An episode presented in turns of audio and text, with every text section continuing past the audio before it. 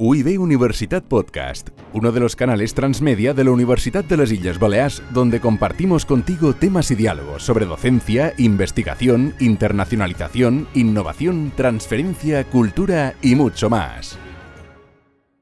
Me gustaría plantearos pues, varios eh, conceptos, varios criterios que de entrada eh, pueden parecer muy antagónicos, pero creo que hace mucho sentido pues, aglutinarlos de esta manera. ¿no? De entrada, eh, ¿qué es un plagio?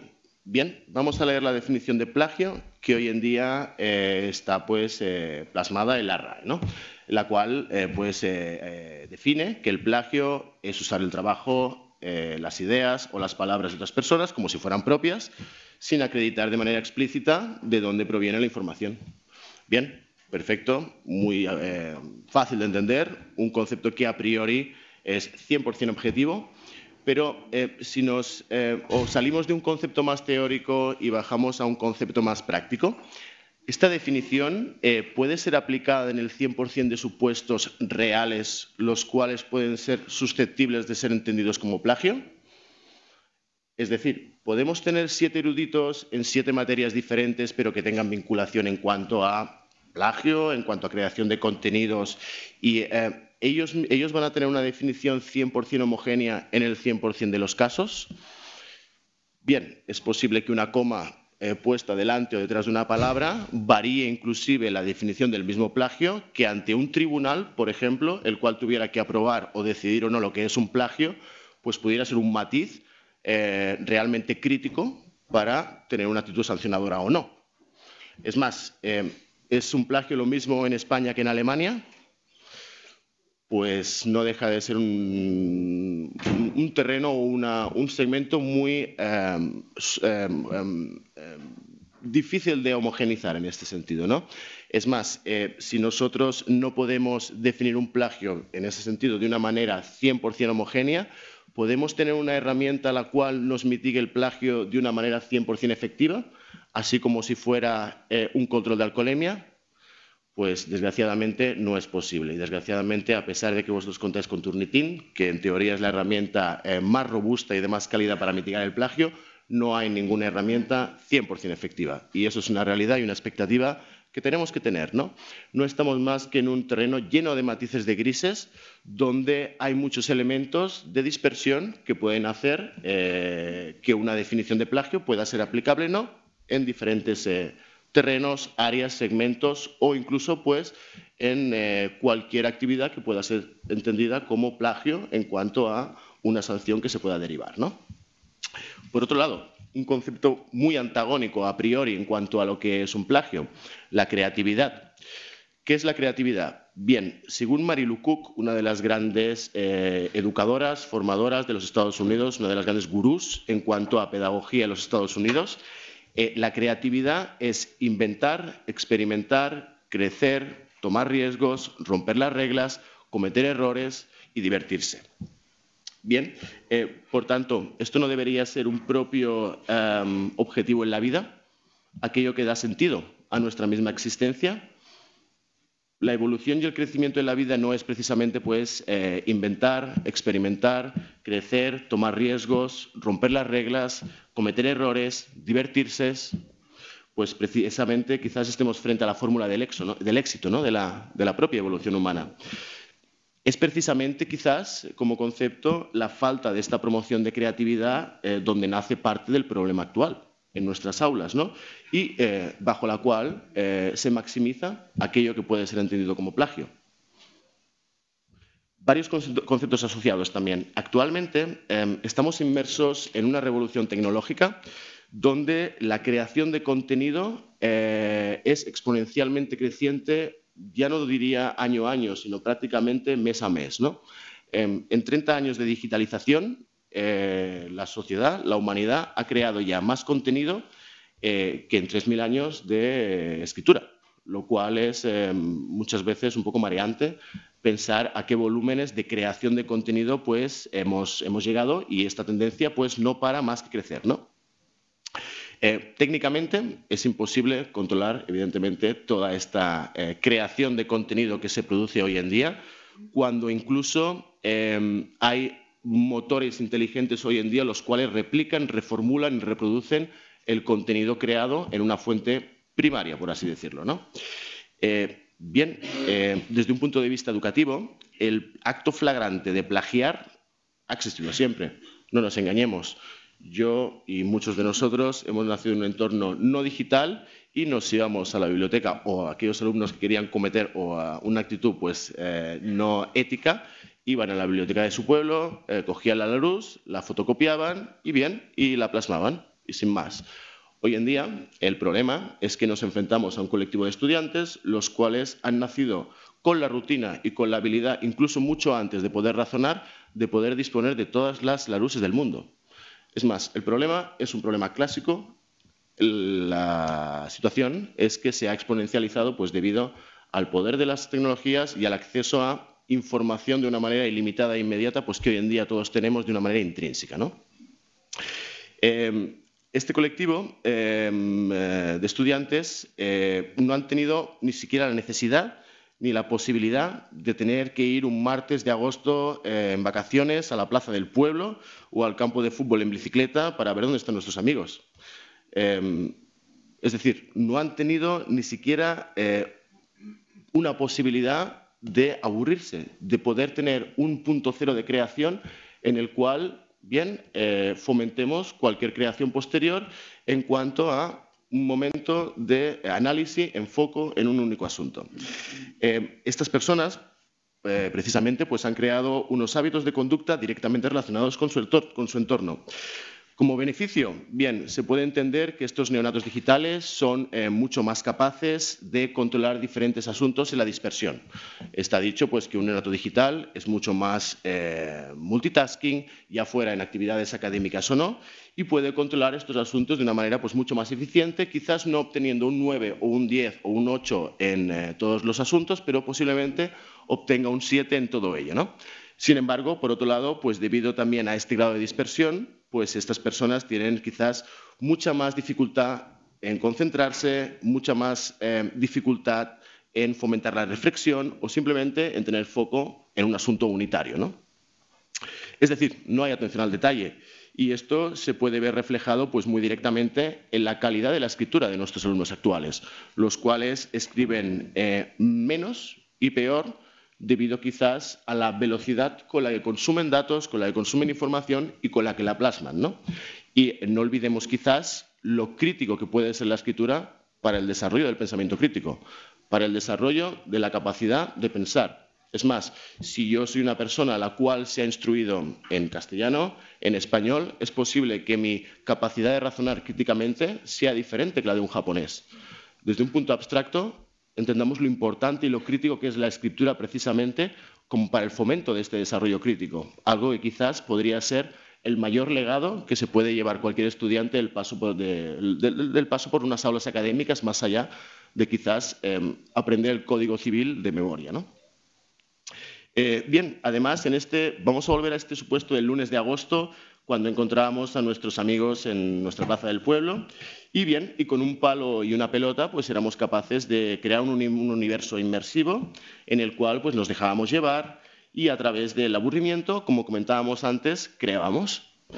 Bien, nuestros alumnos ven muy amenazada precisamente eh, su posibilidad y su capacidad de aburrirse, con lo crítico que es el aburrimiento precisamente para el desarrollo de la creatividad y lo imprescindible que es la creatividad para el desarrollo y eh, quizás la reformulación o evolución de cualquier arte o de cualquier ciencia.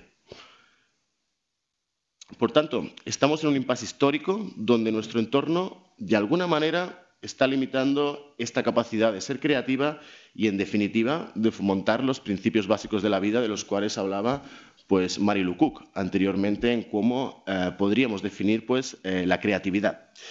Esta falta de, creatividad, evidentemente, pues, eh, promociona de manera troncal estas culturas deshonestas. Em, em, y entonces podemos llegar a la siguiente cuestión, a la siguiente pregunta. ¿Es el plagio realmente el núcleo del problema o es consecuencia quizás de unos problemas socioeconómicos, socioculturales o incluso pedagógicos, los cuales son de más calado y, entre otras cosas, nos derivan en un aumento del plagio? Actualmente en nuestras aulas, sin olvidar que el plagio o la copia ha existido siempre. La actitud humana siempre ha sido la misma. Nuestros estudiantes no son ni más inteligentes ni eh, menos inteligentes que anteriormente. Simplemente han nacido en un contexto totalmente diferente. Eh, bien, por otro lado, me gustaría ahora resumir, eh, desgravar otros elementos que junto con la falta precisamente de esta promoción de creatividad hacen que podamos entender el plagio como no únicamente eh, un problema de honestidad o de deshonestidad en este caso. Porque eh, solo, como comentamos, nuestros estudiantes no son ni más inteligentes eh, ni menos que anteriormente, solo son personas que quieren estar estimuladas y, porque eso es un propósito inherente de las mismas personas. ¿no? Simplemente hemos de llegar quizás a poder tocar la tecla donde motivemos y podamos dialogar con estas personas.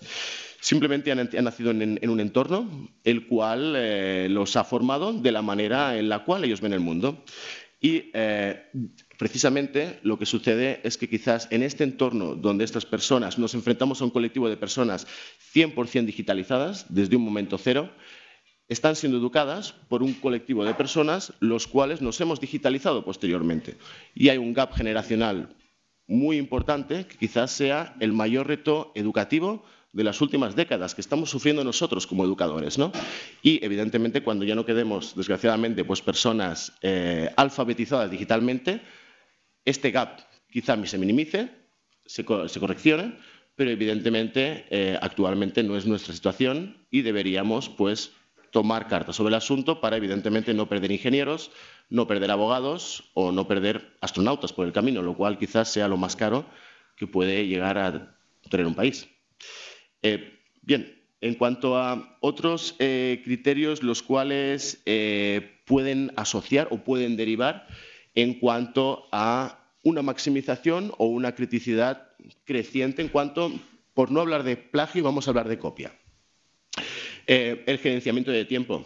Bien, actualmente es un problema o puede llegar a ser un problema potencial en cuanto a cómo entrenamos, cómo educamos a nuestros estudiantes o la, multitud de actividades las cuales eh, o en las cuales hoy en día ellos están inmersos, lo cual puede radicar pues quizás en un aumento en cuanto a una intención de copiar, de plagiar, de apropiarse de contenido el cual no es 100% original.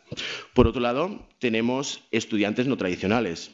Entiendo perfectamente que vosotros mismos seréis conscientes de que hoy en día ya no tenemos estudiantes de 8 a 3 de la tarde, sino que tenemos estudiantes los cuales se forman online, únicamente en ciertas materias, en ciertas horas, inclusive estudiantes eh, con una dispersión de edad muy importante.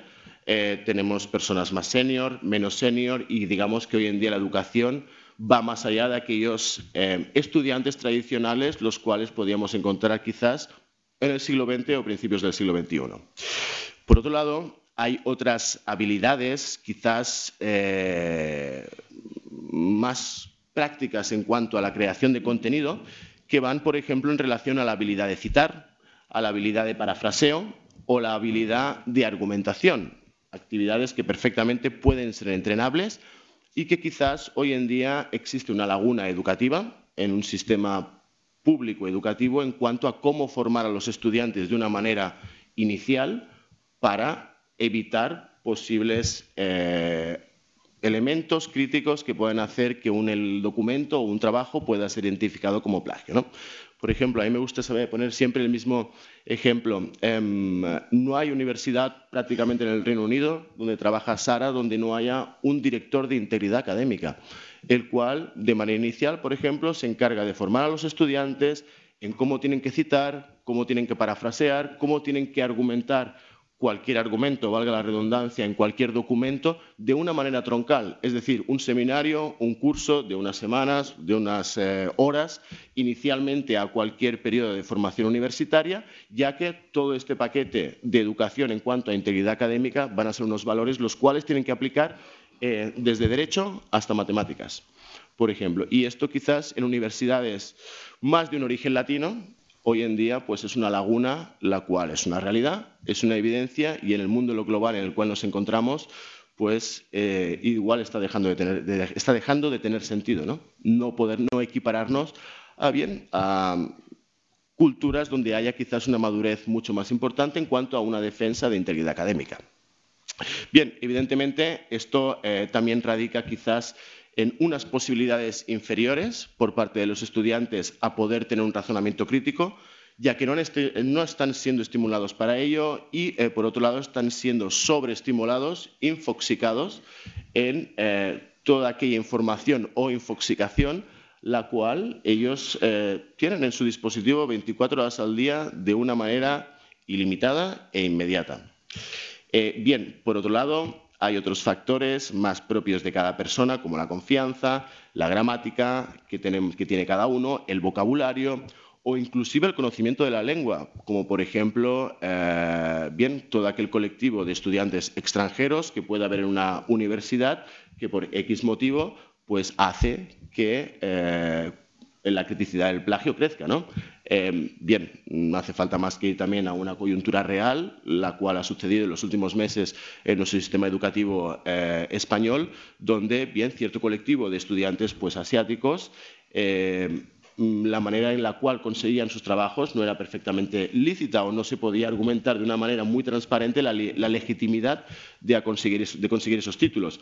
Evidentemente, son factores que van a afectar a, bien, a, la calidad educativa y a la integridad académica que nosotros aplicamos en nuestras aulas. Y por otro lado, un factor muy crítico y muy importante que no debemos olvidar son las nuevas, normas de, colaboración existentes en nuestro, entorno.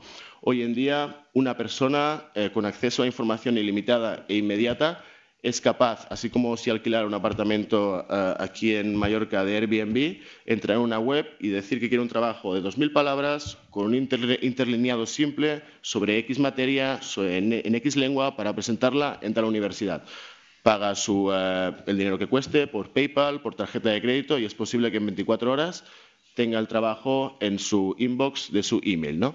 Entonces, pues son factores que evidentemente debemos tener muy en cuenta. Muy bien, eh, ¿cómo debemos entonces, cómo podríamos aglutinar la promoción de todos estos elementos en una política institucional? Pues evidentemente esto únicamente puede ser posible o quizás de una manera sostenible puede ser posible bajo el paraguas de la defensa de una integridad académica a nivel troncal, a nivel institucional, a nivel social, incluso diría yo. Eh, mirad qué interesante. Vamos a ver la definición de integridad académica que propone el International Center for Academic Integrity, el ICAI, una de las grandes entidades en cuanto a la creación de contenido de principios eh, de integridad académica. Bien, ellos, eh, o el ICAI, define que la integridad académica es el compromiso, incluso frente a la adversidad, eh, a seis valores fundamentales. Honestidad, confianza, equidad, respeto, responsabilidad y coraje. De estos valores eh, fluyen, principios de comportamiento que le permiten a las comunidades académicas traducir ideales en acción. Bien, ¿nos parece que sorprendentemente em, es una definición que tiene unos elementos muy similares a la definición propia de creatividad? que marcaba Mary Cook. Es decir, no es posible que estemos desviándonos muchos a, aquel principio vital del desarrollo humano, eh, el cual también puede entrar bajo el paraguas de una integridad académica que hoy en día nos esté promocionando en nuestras aulas, a nivel genérico, por supuesto, siempre estamos hablando. Bien, eh, vamos ahora quizás a entrar en una parte eh, más práctica en cuanto a cómo definir aquellos pilares básicos para la promoción de estos pilares de integridad académica, quizás en cualquier institución, en cualquier entidad, en cualquier escenario o en cualquier universo. Bien, de entrada, evidentemente es necesario pues, eh, definir unas prácticas y unas políticas institucionales para poder aglutinar bajo este paraguas pues, cualquier principio, principio que queramos adoptar esta adopción de integridad académica o estas políticas nos van a poder, evidentemente, pues, poder adoptar esta integridad académica eh, de una manera troncal, tanto para profesores como para estudiantes. Eh, y bien, eh, lo que es necesario precisamente pues, es instruir tanto a formadores como a estudiantes en cuanto a estas normativas basados en aquellos valores que nosotros consideremos como troncales dentro de nuestra institución. Como primer paso, Perfecto, definir en un papel aquellas políticas, aquellas metodologías, aquellas buenas praxis que nosotros queremos fomentar, es básico. A partir de ahí, es evidentemente muy necesario eh, aumentar la concienciación de todo nuestro staff. No estamos hablando únicamente de estudiantes, sino de todo el colectivo, el cual tiene una responsabilidad educativa desde A hasta Z, evidentemente. Comunicar claramente estas normas de comportamiento esperadas, tanto alumnos como profesores, como comentamos, sin una expectativa diseñada, eh, nunca va a existir eh, un rumbo en el cual todos podamos estar pues, eh, encuadrados y enmarcados. Y evidentemente, con estas prácticas lo que podemos conseguir pues, es estimular o debemos conseguir es estimular a los estudiantes a asumir responsabilidad de cumplimiento en cuanto a, nuestra, a la misma integridad que nosotros definimos. Es decir, em, hay que tocar la tecla de los estudiantes para que ellos entiendan que evidentemente no estamos forzándolos a algo que les va a suponer más trabajo, sino que al contrario estamos enseñándoles a, a trotar, a correr para el día que tengan que hacer un sprint, pues lo pueden hacer con la mayor efectividad posible, así como si fuera cualquier actividad física. En cuanto a esta educación eh, que nosotros eh, lanzamos a los estudiantes, pues es muy importante reforzar el rol del docente como aquel mentor confiable y aquel modelo de persona que más que un fiscalizador o un evaluador, es una persona que está ahí para acompañar el desarrollo del propio estudiante, no para señalarlo cuando no se cumplen los objetivos. Es decir, no ser un policía, sino evidentemente ser un educador, que entiendo que ser un educador es una profesión eh, muy autodidacta, así como podría ser un bombero o un policía, quizás, y lo que queremos, pues evidentemente, es educar, no ser policías. Eh, bien, abogar por un aprendizaje eh, continuo y para toda la vida, pues también será el mayor beneficio que los estudiantes puede que se lleven de su paso por, por las aulas.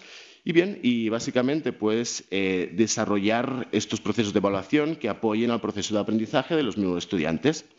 Es decir, no solo evaluar el resultado, sino el progreso del mismo estudiante como aquel elemento crítico de desarrollo, de mejora y de evolución de cualquier persona que se está formando.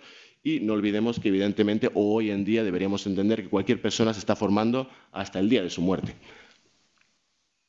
Em, finalmente, es muy importante, evidentemente, eh, proteger la reputación de la misma institución ya que eh, todo aquel material quizás que se publique en nombre de nuestra institución puede ser aquel material más crítico para la defensa de la misma reputación.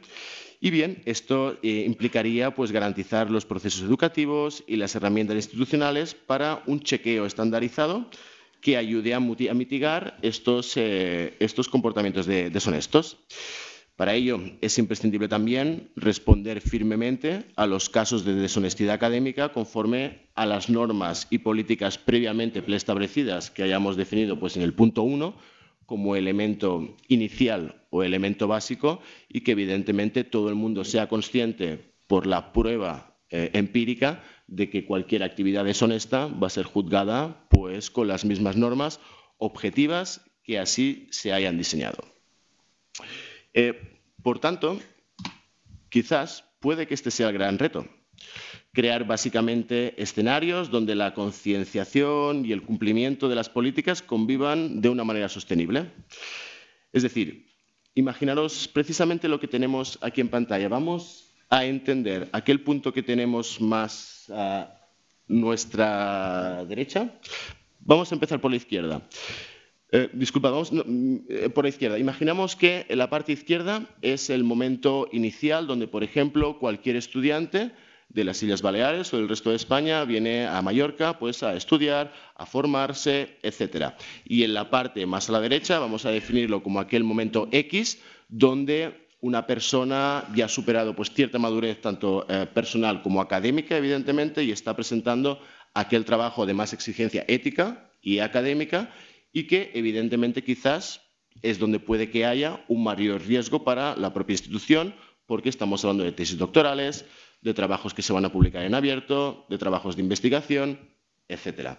Evidentemente, en esta parte X, en esta parte más a nuestra derecha, es totalmente imprescindible contar con estas políticas para blindar a nuestra institución y al contenido que creamos en nombre de nuestra institución de que esté libre o no sea entendido o no haya ningún elemento susceptible de ser entendido como plagio. Estamos hablando que esto puede afectar a inversiones, a eh, reconocimiento público a nivel nacional o internacional de nuestra universidad o a optar quizás también de fondos públicos.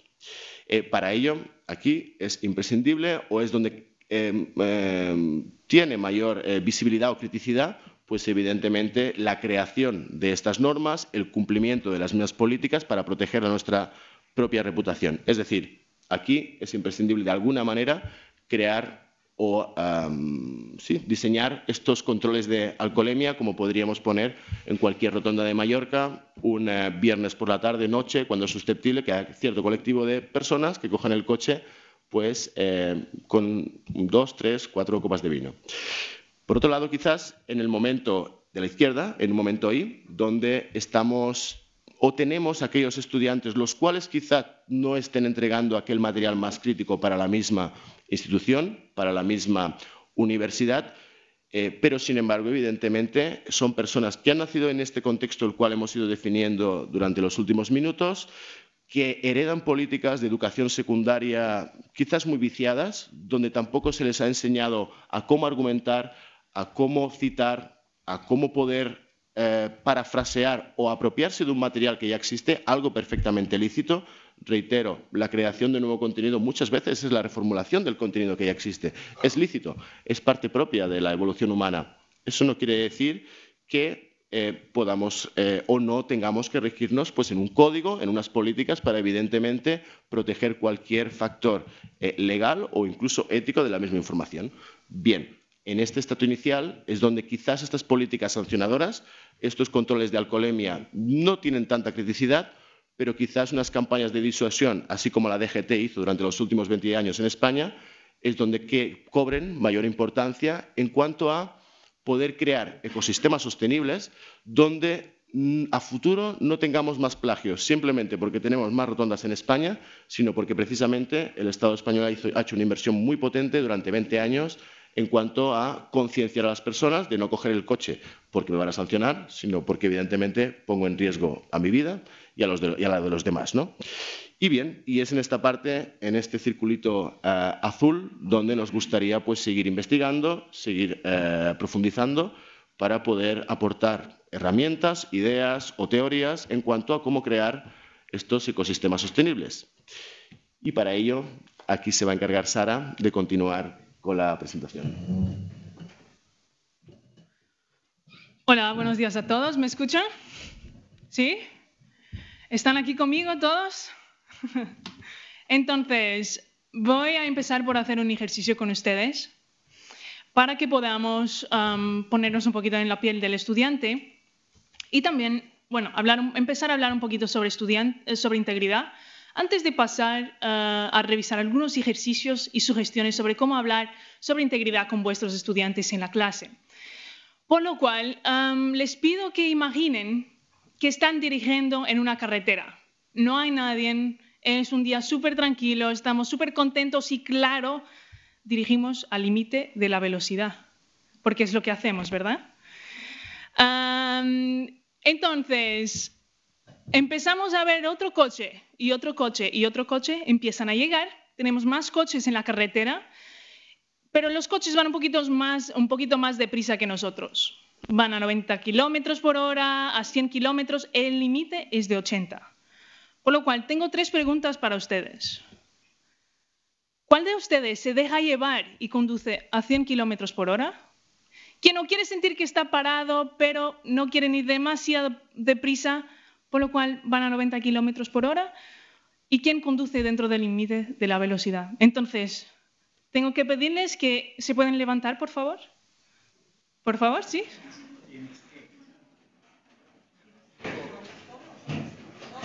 Sí, sí, sí, sí, sí, posible.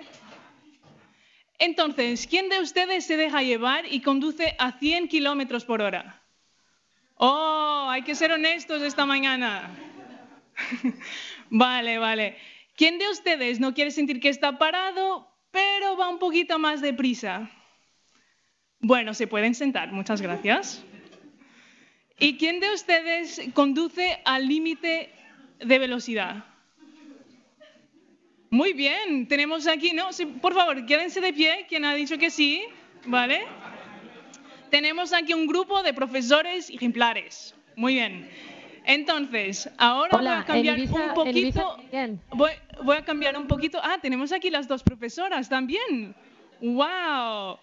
Vale, entonces voy a hacer otra pregunta, ¿vale? Les voy a cambiar un poquito la historia. Ustedes son estudiantes y, hay, y ustedes tienen un examen y van a llegar tarde.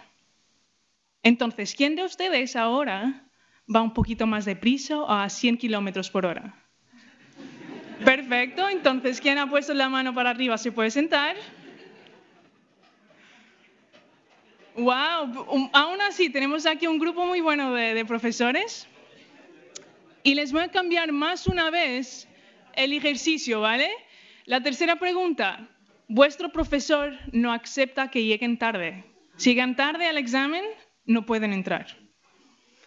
¿Quién de ustedes se queda al límite de la velocidad? Muy bien, tenemos aquí, bueno, se pueden sentar, muchísimas gracias. Entonces, moraleja de este ejercicio.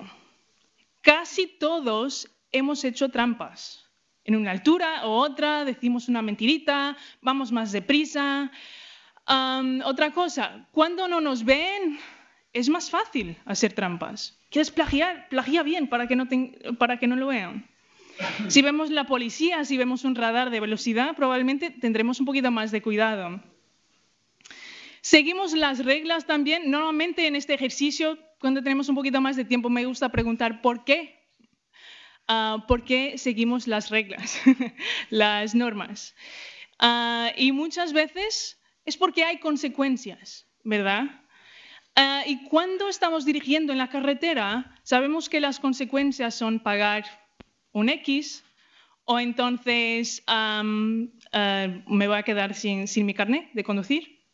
Y tenemos otras consecuencias. Si vemos el policía, seguramente vamos un poquito más despacio, ¿verdad? Confiar, pero ni tanto. Entonces, lo mismo se aplica, y muchas gracias por vuestra colaboración ah, en este ejercicio, pero el mismo se aplica a los estudiantes. Plagio ha existido siempre, como nos ha dicho Luis, pero todo cambia dependiendo del contexto y de la situación. ¿Y qué cambió en este, en este contexto educativo en los últimos 30 años? Tenemos clases más grandes, la educación es súper importante para la evolución socioeconómica de un país, hay más gente que estudia y hay una enormísima diversidad no apenas de artículos, no apenas de alumnos, de culturas, y las normas entonces son un poco confusas. Los estudiantes muchas veces tienen normas de otros países o normas de otras instituciones. Además, nosotros esperamos que los estudiantes aprendan en la educación secundaria todas estas normas, pero lo que vemos muchas veces es que llegan a la, enseñanza superior sin que sepan algunas de estas normas básicas sobre cómo citar, cómo referenciar, etc. Ah, por lo cual, nuestra sugestión normalmente inicial es ah, traer un, cuestionario que creamos con 10 preguntas que tenemos aquí para preguntar a los estudiantes si saben qué es plagio, porque muchas veces no hay este conocimiento inicial. Entonces, les voy a mostrar este primer recurso que puedo compartir con ustedes y ustedes pueden compartir también con vuestros estudiantes. Porque claro, yo creo que es un 90% de los casos de plagio que son activamente investigados en este momento no son, son accidentales. entonces, tenemos preguntas desde qué es plagio, si es robar, cambiar palabras, tomar prestado una idea, un acto de fraude, citar una fuente incorrectamente, comportamiento antiético. Si es aceptable copiar y pegar una frase escrita por otra persona y simplemente agregar comillas. Yo creo que cuando entré en la universidad esto pensaba que era, que era citar correctamente. Aprendí de una forma muy dura que no era así. ¿Qué es parafrasear adecuadamente? Cambiar algunas palabras em, sin citar, usar solo la idea, sin citar, resumir el texto y citar. Reutilizar los párrafos de un documento que escribí es plagio. Y esta duda no, es, no está apenas con los estudiantes, con los investigadores, ah, con personas que están escribiendo libros y todo. ¿Puedo reutilizar mis propias ideas? Eso será autoplagio y hasta cuánto debo citar. Em, normas colaborativas, aquí está, si puedo colaborar con mis colegas en trabajos individuales y presentar mi trabajo. Em, si puedo, si necesito citar una fuente que se escribe colaborativamente. Y claro, tenemos todo esto de social media, de conocimiento común, de información de conocimiento popular. Ah, y la línea entre citar y no citar se queda un poquito ah, difícil de entender. Ah, por último, la verdad es que esta cuestión me, me gusta mucho porque tuve que estudiarla yo misma. Eh, el documento B es un análisis que hace referencia al documento A. ¿Qué documento citas? Entonces, estas dudas iniciales, especialmente en los primeros años, son un poco difíciles. ¿Y cuáles son las consecuencias de plagio? En el final, ustedes van a tener los resultados. Eh, yo tengo el 0%, por lo cual no sé nada. Eh, pero vuestros estudiantes pueden completar este cuestionario y pueden empezar a hablar en la clase. Eh, y esa es una buena forma de abrir el diálogo para integridad académica, para plagio y todo eso. ¿Cuál de estas ah, cuestiones fue difícil? ¿Cuál de estas cuestiones fue, fue la más fácil? Y lo que es interesante es que en el inicio el profesor sirve como de guía eh, y del conocedor de esta materia, pero eventualmente los estudiantes empiezan a corregir unos a los otros. Entonces, este diálogo que se crea en la clase es lo que es importante. Hablarlo diariamente y no apenas cuando hacemos la entrega final del último trabajo del semestre. Ah, yo voy a compartir este inquérito con usted, este cuestionario con ustedes. Lo pueden compartir antes de, de la clase, durante la clase, en el final los estudiantes pueden traer el resultado y ustedes pueden también revisarlo con los estudiantes. Y vamos a pasar aquí a nuestro otro slide. Otro de los recursos que tengo aquí um, es una gráfica, perdón, ok, es una gráfica y la verdad creo que tengo una imagen un poquito mejor aquí, ver Uh, perdón. Ok. Uh, es una gráfica que nos uh, muestra desmodalidades de trabajo poco original. Entonces, muchas veces um, es difícil para que los estudiantes entiendan lo que están haciendo en sus trabajos, porque el entendimiento es que copiar y pegar es plagio. Entonces, hay que también, y para nosotros mismos, es un buen ejercicio verificar eh, este entendimiento con nuestros estudiantes. No hay apenas un tipo de plagio o de fraude académica. Aquí tenemos las, respuestas de una encuesta que hemos hecho a 900 educadores de educación secundaria y superior, universidades, maestrías, eh, etc. Y aquí tenemos definidos por su gravedad y su frecuencia eh, el número de eh, los tipos diferentes de plagio, digamos. Entonces tenemos la clonación, presentar el trabajo como nuestro, copiar y pegar, claro, copiar partes grandes de un texto eh, y de varios textos y agregar, mosaico, que es cuando tenemos varios textos que se encajan muy bien, por lo cual hacemos un mosaico entre ellos y es súper guay ver eso desde Turnitin porque se queda lleno de colores. Eh, Eh, y claro, eh, el remix, que es cuando se parafrasea varios, entonces vemos algunas palabras identificadas, pero ni tanto, y de varias fuentes, por lo cual es un poco, un poco más difícil para el profesor poder revisarlo. Entonces, desde aquí nosotros tenemos una sugestión que pueden realizar con los estudiantes. Ah, la idea es utilizar esta infografía para informar a los estudiantes que hay más que un tipo de plagio. Ah, para que se den cuenta, claro, que el plagio eh, incorpora también la, intención del escritor, las ideas originales, eh, originales, la estructura del texto, las prácticas y atribución de citas. Por lo cual, pueden compartirlo con los estudiantes y pedir que intenten replicar ejemplos de los 10 tipos. Ok, puedes hacer un clonaje, puedes hacer un remix. ¿Y cómo lo harías tú? Ah, porque yo creo que nos ayuda también, yo fui estudiante el año pasado de maestría, por lo cual aún digo, nos ayuda a desarrollar el pensamiento crítico, ¿verdad? Porque cuando somos obligados a hacer algo, cuando lo hacemos accidentalmente, empezamos a ver, jope, aquí está mi error, tengo que volver y tengo que, corregirlo. entonces, esta es una sugestión de un ejercicio ah, que, también, de nuevo, permite abrir el diálogo. Yo creo que es el más importante esta sensibilización de la comunidad académica de nuestros estudiantes para que sepan lo que están haciendo y para que tengan las herramientas para hacer correcciones en sus propios trabajos cuando, cuando hacen un error o cuando hay un problema en su eh, documento. Y por último, eh, la, última opción que les quería mostrar sobre cómo podemos prevenir plagio en la clase y, bueno, aumentar la sensibilización más que todo, es con Turnitin. Entonces, muchos de los profesores, claro, piensan, ah, pero Turnitin es una herramienta que nos permite investigar y tomar una decisión informada cuando verificamos porcentajes de similitud eh, sospechosas. Sin embargo, puede ser utilizada también con un enfoque formativo.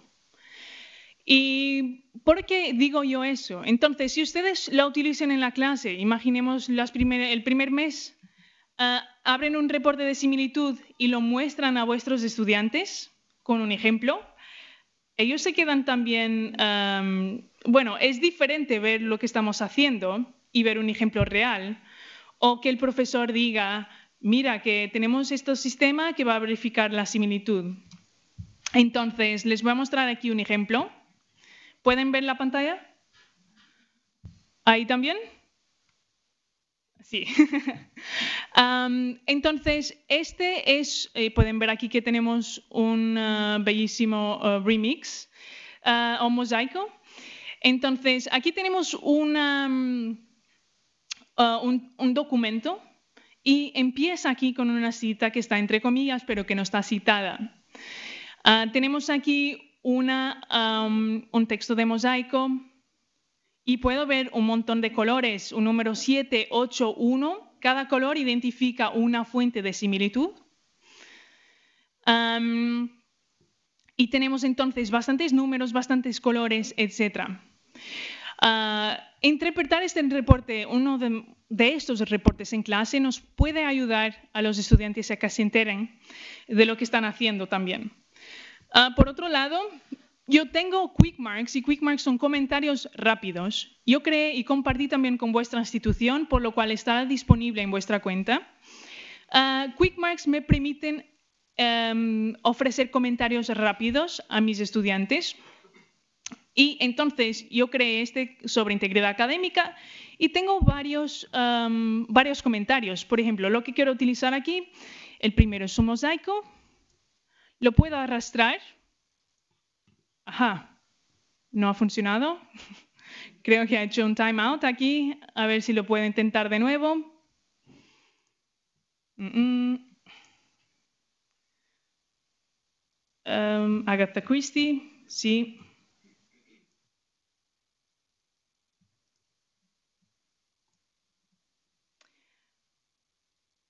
Y de cualquier forma, es una cuestión de uh, ser un poquito más efectivo, claro, en la forma que ofrecemos feedback, um, por lo cual tenemos nuestro documento y yo voy a seleccionar la primera opción.